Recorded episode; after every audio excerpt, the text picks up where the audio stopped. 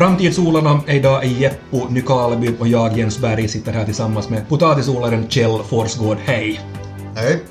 Jag börjar med den här ren klassiska frågan vid det här laget. Jag säger ett ord och du ska säga vad du tänker och då säger jag förstås potatis. Vilka tankar, vilka känslor, vad allt, vad allt rör sig i huvudet när jag säger det? No, potatis är en, en basföda som alltid har varit en stor del av finländarnas kost. Att man, man får stor del av alla de här vitaminer och kolhydrater så får man från potatis och det är billigt, det är närodlat och så är det hälsosamt. Mm. Men varför, varför blev det potatis för dig? Nå, mina föräldrar så har i tiderna börjat med potatis och jag fortsatt med det när vi gjorde generationsväxling på 1991. Så har varit ett av mina stödben under min tid som jordbrukare. Hur stora odlingar har du här? Idag har jag totalt eh, 102 hektar som jag odlar av, så är 74 hektar egen åker och eh, 27 hektar arrende. Och på det så odlar jag 48 hektar potatis idag. Mm. Så ganska ready odling. Nå, eh, det är väl medelstort eller vad man ska kalla det.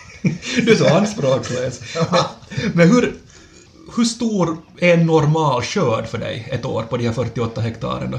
Nå, han är ungefär mellan 35 och- och 38 ton per hektar. Men det kan variera. Vissa år har det väldigt torka så har jag varit nere i 26 ton. Men så ett år som det fick väldigt bra så kommer 44 ton per hektar.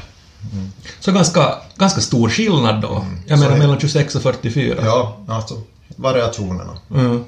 Hur ser tidtabellen ut? Alltså när är, när är den mest hektiska tiden för dig? Hösten antar jag då kanske, eller? Och utan vidare så är det hösten när vi, när vi skördar att vi har anställt folk som är här så man är, vad ska man säga, man är ispänd Mm. riktigt ordentligt när man anställt folk kommer hit.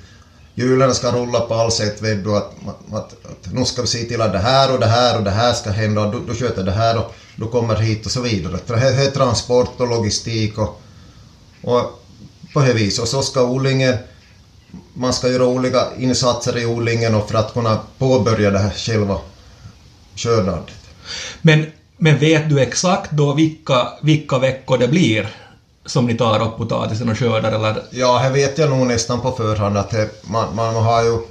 Eftersom vi bor så långt norrut så måste vi påbörja första skörden så vi startar ungefär någon gång i, kring 25 20 augusti och så håller det på ända till slutet av september och är det dåligt väder så kan det räcka en långt in i oktober.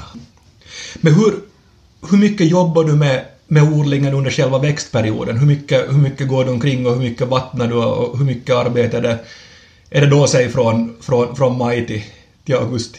Ja, det är nog en hel del jobb att man, man, man granskar odlingen, man, man, man myllar, kupar, ogräsbekämpar, kemiskt, mekaniskt och så bevattnar där som man hinner att jag har och eh, sen så har vi det här för eh, värsta med potatisodlingen om det blir en fuktig sommar så har vi mögel och så måste du bekämpa det här kemiskt som man kan, som man kan göra som det här konventionell odlare.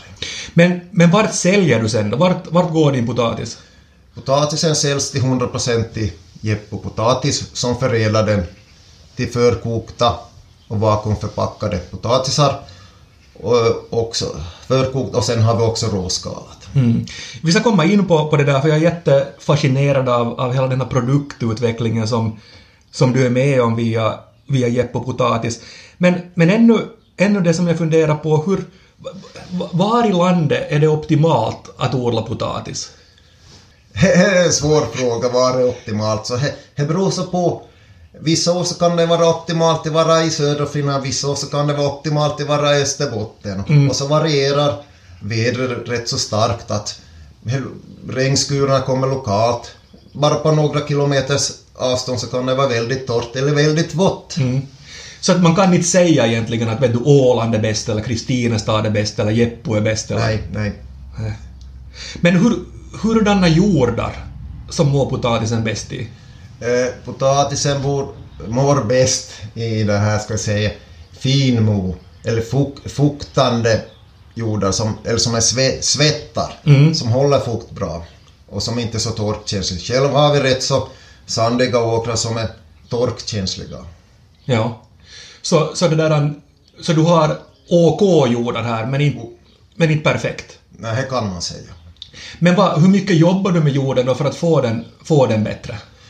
Ja, dikar, täckdikar, planar, sätter jordförbättringsmedel, försöker utnyttja rådgivningen till 100% för att göra allting optimalt via näringsämnen och så vidare.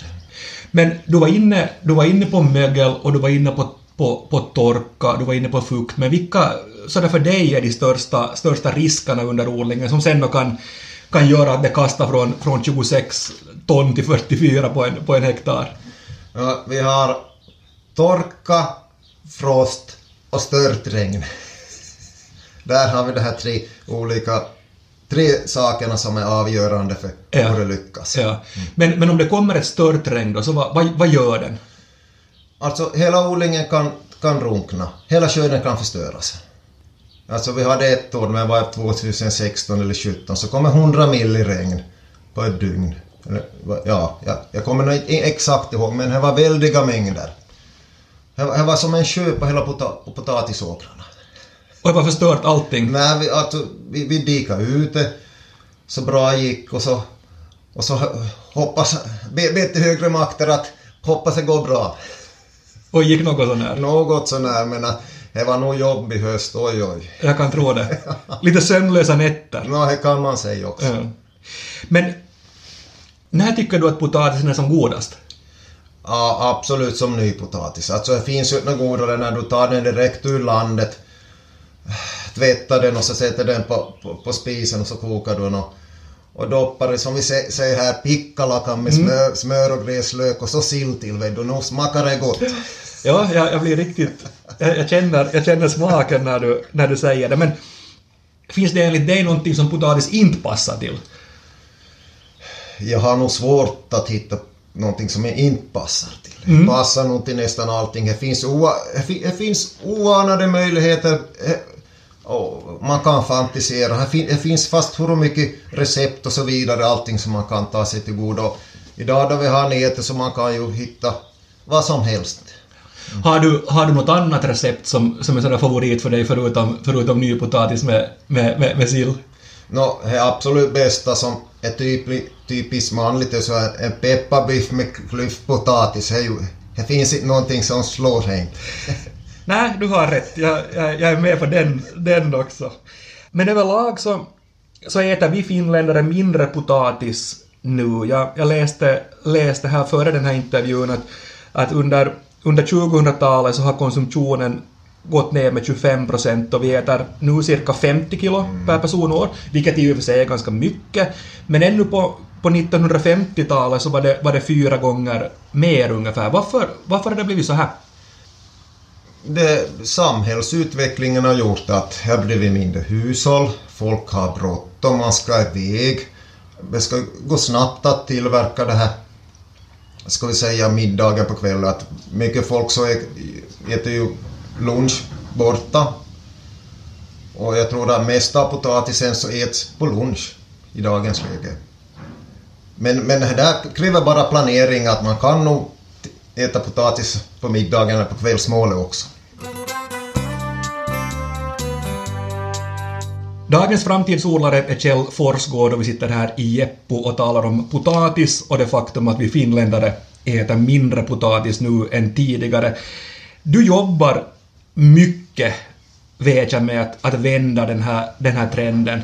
Du var inne på, på, på samarbete med Jeppo Potatis redan, men, men vad allt gör ni för att, att vi finländare ska äta mer potatis igen? Vi försöker sprida kunskapen om potatisen, hur bra den är som, som, det här, som livsmedel, litet klimatavtryck till exempel. Det är ju väl, om man jämför till exempel med pasta och ris, att potatisens klimatavtryck är ju väldigt lite mot vad det här i frågan och så är den närodlad. Och så har vi sån där branschorganisation som försöker sprida det här kunskapen om potatisen, hur bra den är som livsmedel. Det här, det här, det här jobbar vi på kontinuerligt hela tiden så att folk ska få det här till livs. Ja, och sen är det som du säger, säger också att det hänger garanterat ihop med, med, med samhällsutvecklingen och med, med livsstilen och sådär, för att det jag hör ofta så är det du säger att ja, potatis är nog jättegott men, men lite jobbigt. Du ska mm. tvätta den ibland och den ska skalas och så ska, du koka, så ska den koka i 20-25 minuter och, och, och ni har jobbat mycket nu med, med att utveckla halvfabrikat via, via Jepo. Då. Va, va, vad allt har ni i, i utbudet? Vi har äh, färdigkokta potatisar som, som är vakuumförpackade som bara kräver att de värms upp. Och så har vi råskalade som också, men de behöver längre tillredning eller kokning på det viset. Men det här riktar sig i främsta hand till, till stor, storkök, skolor, restauranger. Och, och vad, går, vad går åt mest? Vad är, av, av halvfabrikaten ni har nu, så vad är, vad är största hittarna som ni, som ni har?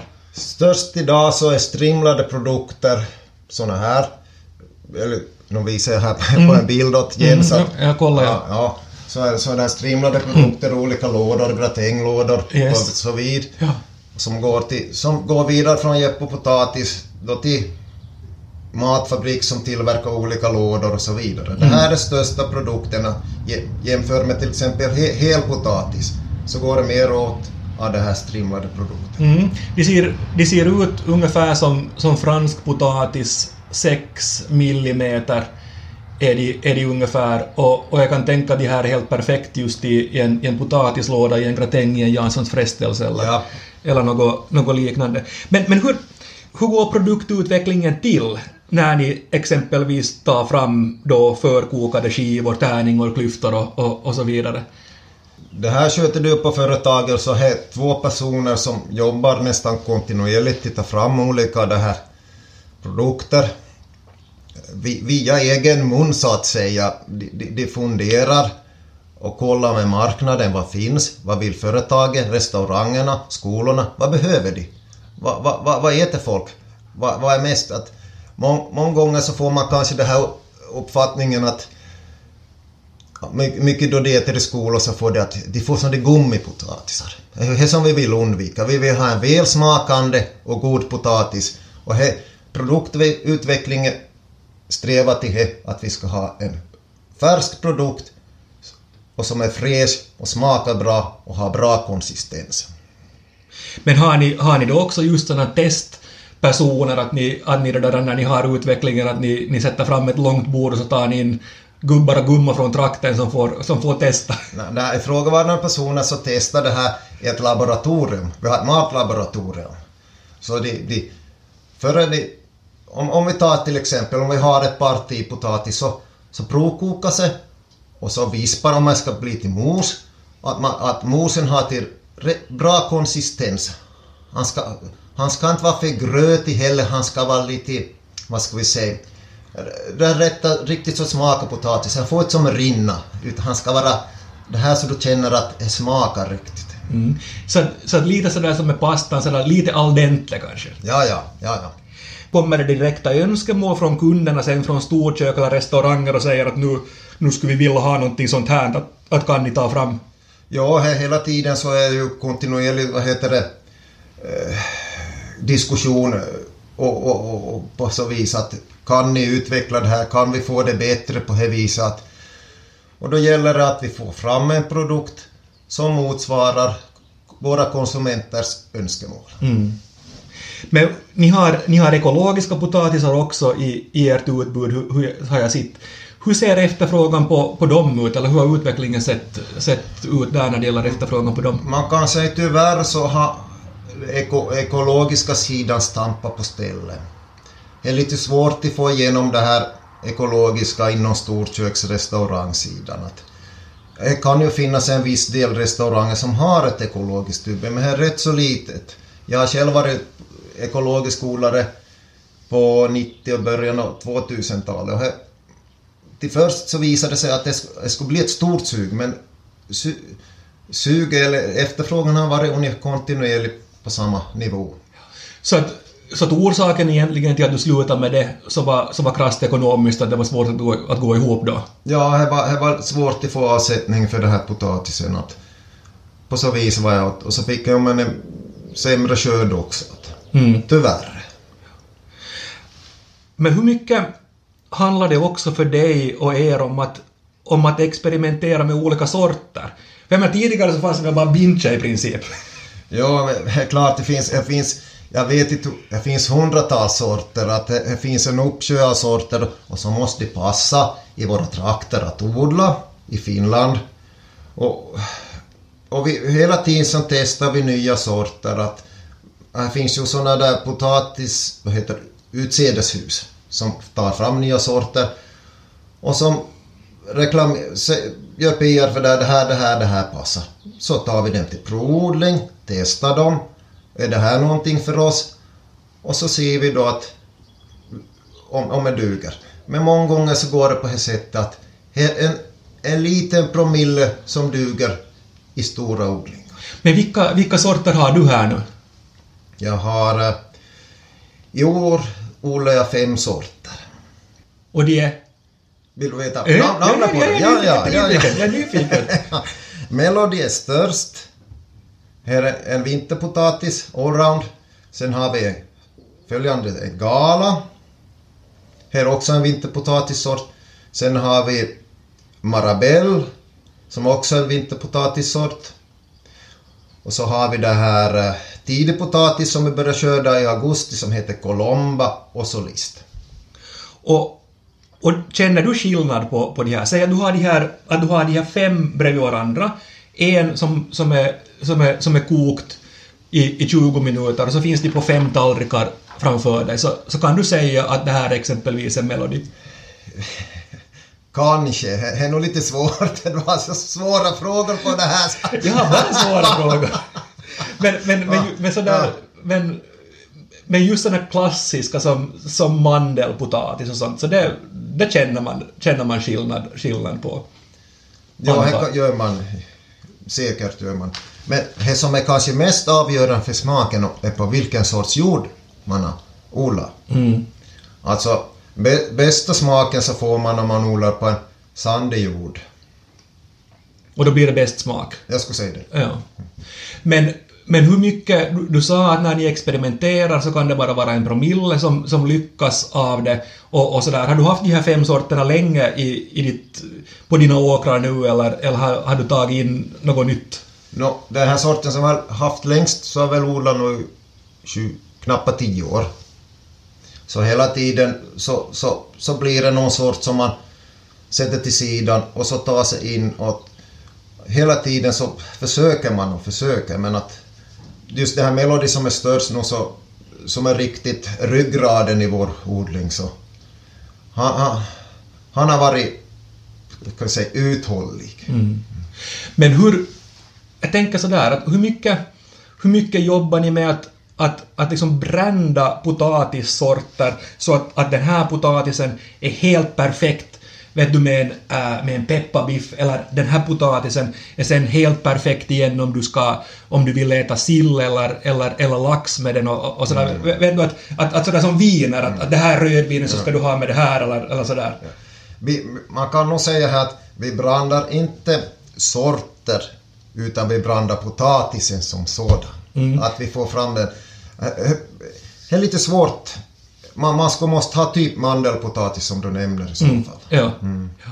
Eller något Annabelle eller något sånt är på gång nu också. Ja, ja, men här är vanlig potatis. Här är inte som mandelpotatis inte. Okej. Jag avslöjar mig, avslöjar mig, mig här. Men, men tror du att det skulle finnas någon marknad för det här? Jag, jag jobbar som konsult här nu för dig också, att, Ja. att, det där, att börja göra det mera. Att, att det där, att försöka brända olika sorter med olika saker. Skulle, skulle finländarna bry sig? Eller skulle de bli intresserade? Det kan hända. Det kan hända att... Jag vet ju här att vissa produkter som vi har i företaget så, så passar bäst till viss, vissa saker.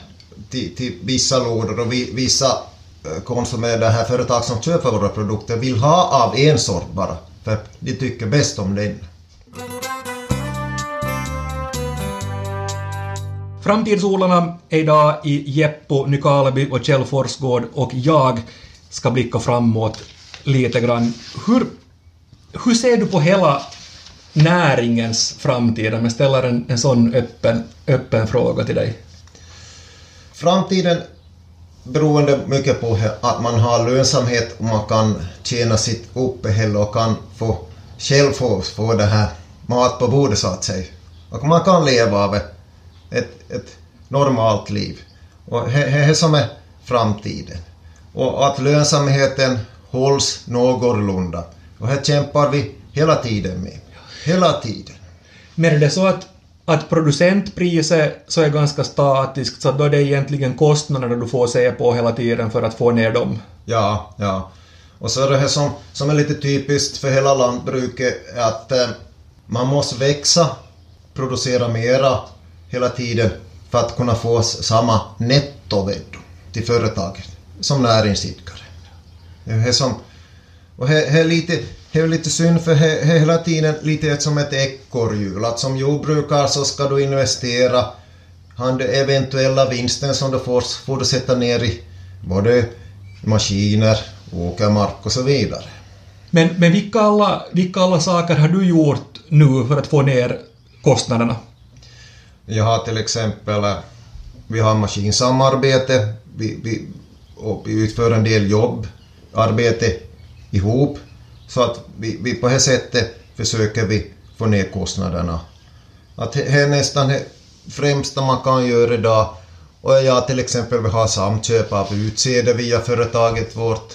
Det är en sak också att vi kan få kostnaderna lite ner. Mm. Och så måste ju man då, till exempel, vi, vi, vi, när man köper förnödenheter så måste ju man sätta företag, det här försäljarna mot varandra och se vem har billigast. Det, det gäller ju alltid. Det. Men det är precis samma sak som när man byter bil. Så, så där är, där är liksom alla, alla de här egentligen, du har, du har delningsekonomi och, och du försöker få skalfördelarna och sen konkurrensutsättning. Ja, så att ja. hela, hela arsenalen är, är, är i bruk. Hur ser, hur ser du på, på, på trakten och, och, på, och på näringen sådär när det gäller nya potatisodlare och nya lantbrukare här i trakten? Kommer det, kommer det något gäng som är yngre än, yngre än du och jag? Visst finns en del. Jo, nog finns en del att... Fast vi är unga då jag är Relativt. Ja, nog kommer en del, men att det skulle kanske få vara större intresse bland den yngre generationen. Att det är ju, det är ju lite symptomatiskt det här att det lämnas så lite jordbrukare på landet. Så är livet idag. Men är det så att, att, att det måste vara jättestorskaligt för att, att du ska få det att gå runt något sån här? Nå, inte måste det vara riktigt storskaligt. Vad du vet vad du håller på med, vet dina kostnader och vad du håller på med. Och så ska du ha en tillräckligt bra yrkeskunskap själv också. Det är viktigt. Hur mycket det där förkovrar du dig och läser på vet du och sådär? Du har din examen ungefär samtidigt som, som jag, det vill säga för en, för en 25 år sedan ungefär. Men hur, hur mycket vet du läser du på och får forskningsrön och, och sådär? Nå, hela tiden så, så, så läser man om olika saker på det viset. Men vi har, kurs, vi har utbildningar och så, så finns ju på nätet och så vidare. Och, så, och, och rådgivningen ska man ta till sig på det viset också. Hur mycket, hur mycket ny teknologi, vet du, och sådana intelligenta maskiner och, och, och den typen av saker använder ni för att vet du, känna igen kvalitet eller, eller sådär? Ja, visst har vi både i företaget och som jordbrukare själv, du har ju sådana där, vad heter GPS-styrningar som, som har blivit vanliga de senaste tio åren. Det har man nytta av till exempel. Och, Vad, vad går det ut på då? Nå, till exempel om du kör, kör en gödselmaskin eller, eller en växtskyddsspruta så har du du ser till, maskinen ser till som är intelligent, att du inte överlappar och sprider extra utan du exakt där det ska sättas in så sätter du in det här ifrågavarande medlet eller gödslingen. Hur mycket går, går liksom din kompetensutveckling ut på just att, att, att lära dig du, nya maskiner och den typen av teknologi? Ja, jag kan nog många gånger så kan det ta rätt så mycket tid. Man, får nog skrapa sig i huvudet in, innan man, man kan det. Så är det med tilltagande ålder så kan det vara lite svårare det här som med det här när man ska ha en ny telefon eller dator innan man får det igång och så det samma sak med det här. Vet. Men det är ju nog som finner sig kantapään kautta emellanåt. Vet. Mm. Jag kan tro det, jag känner, Ja, ja, känner igen det ja, där också. När du ser på, på den egna gården här och den egna verksamheten, vad skulle du vilja, vilja utveckla ännu? Ja, att, jag, att vi ska få bättre arrondering närmare till, till vatten till exempel så vi kan bevattna en stor del av åkrarna. Det är ju väldigt viktigt. Och vad ska jag utveckla sen? Min egen yrkeskunskap. Alltså man blir aldrig fullärd. Om man tror att man har blivit det så det stämmer nog inte. Man ska, man ska vara öppen till sinne, man ska ha ögonen och öronen öppna hela livet. Om du visionerar vilt, när du, när du vandrar, vandrar omkring kring här i Jeppo och, och på din vackra, vackra gård här, så har du några sådana där, stora visioner att en dag ännu så skulle det vara häftigt att, att göra det här eller, eller uppnå det här? Ja, det är nog, det är nog lite svårt. På ett sätt så, så är man så stadigt förankrad med båda fötterna på, på jorden. Visst har man planer vad man skulle vilja, men det, många gånger så... Jag kommer på en, på en gång vad jag skulle vilja, men som jag nämnt tidigare, man skulle både ha alla åkrar på ett ställe, det skulle underlätta mycket, och att man skulle ha tillgång till vatten. Och, och, och sen, om du sa, du sa efter tio år, Mm. Alltså man är ju idag 53 år. Efter 10 år så börjar jag komma upp i pensionsålder. Att man hoppas kanske att tro att någon följande generation kanske skulle vara intresserad att ta över det här. Tror du att, att någon kommer att vara, ni har tre, tre ungdomar, Nu är jag nog lite osäker. De, de, de studerar allihop idag. Äldsta börjar snart bli färdig lärare så... Ja, jag, jag vet inte.